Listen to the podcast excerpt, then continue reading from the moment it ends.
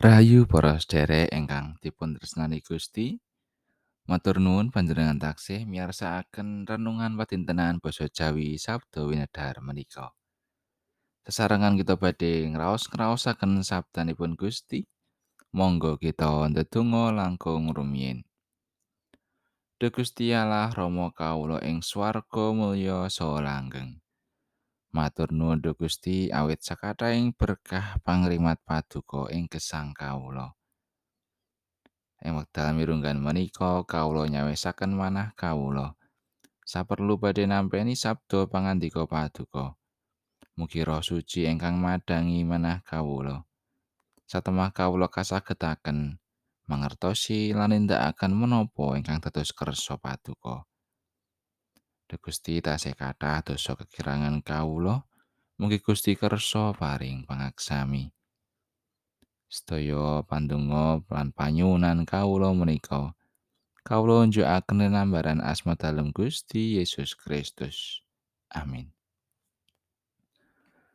Para sedherek waosan dinten menika kapendhet saking Serat Wahyu bab kalih likur ayat kalih welas ngantos 16.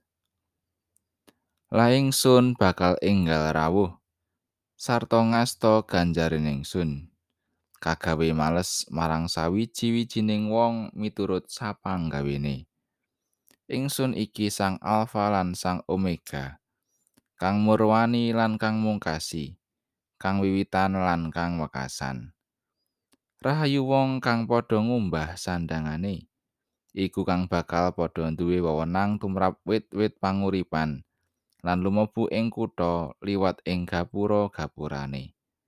Nanging asu lan juru tenung duwen wong-wong kang laku Cina, wong gawe pati lan kang nyembah brahala, sarta sok wonga kang demen lan nglakoni para cidra, iku ana ing sanjabaning kutha.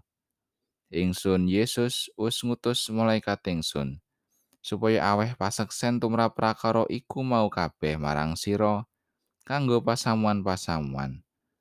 Ingsun iki sogol, yaiku trae Daud lintang panjer esuk kang mancorong. Makatan pangandikanipun Gusti ayat naseng ayat 13. Ingsun iki sang Alfa lan sang Omega, kang murwani lan kang mungkasi, kang wiwitan lan kang wekasan.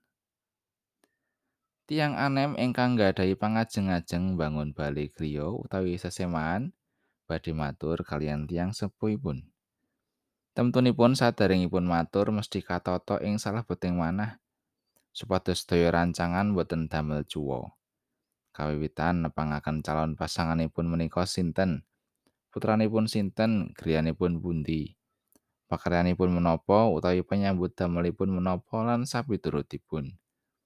Sedaya kabuka ing rembakan temtu kemawon lajeng dipun tanggapi dening tiang sepuhipun srana pitakenan-pitakenan ingkang magayutan kalian rancangan putranipun. Mboten cekap pitakenan ananging ugi piwuling-piwuling panggepokan kalian gesang bebrayan.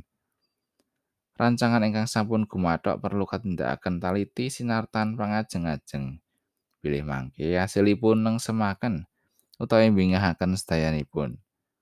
Kanthi tembung sanes inggih menika mungkasi kalawan tentrem lan rahayu. Gusti Allah kagungan rancangan ingkang elok lan ngiramaken kangge jagat menika. Sepisan temtu kanthi miwiti pakaryan adi nitahaken jagat cawetahipun kalebet manungsa.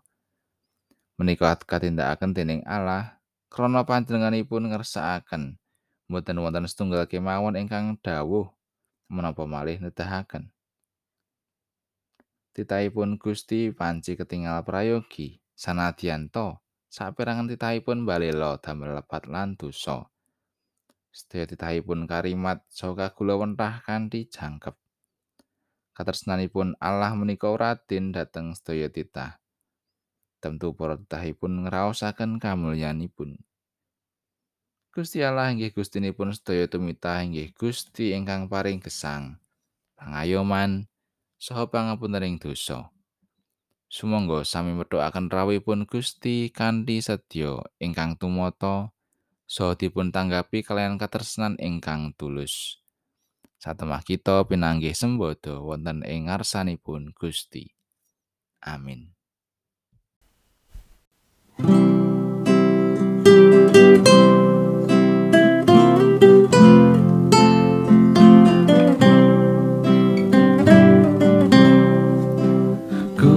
Sestu nderek Gusti kang jumeneng panutan tetep setia tukeng janji dan mikir karibetan dunia waku cok khawatir Gusti tan ewang kingsir tut puri o salamiyo ing satinda e Gusti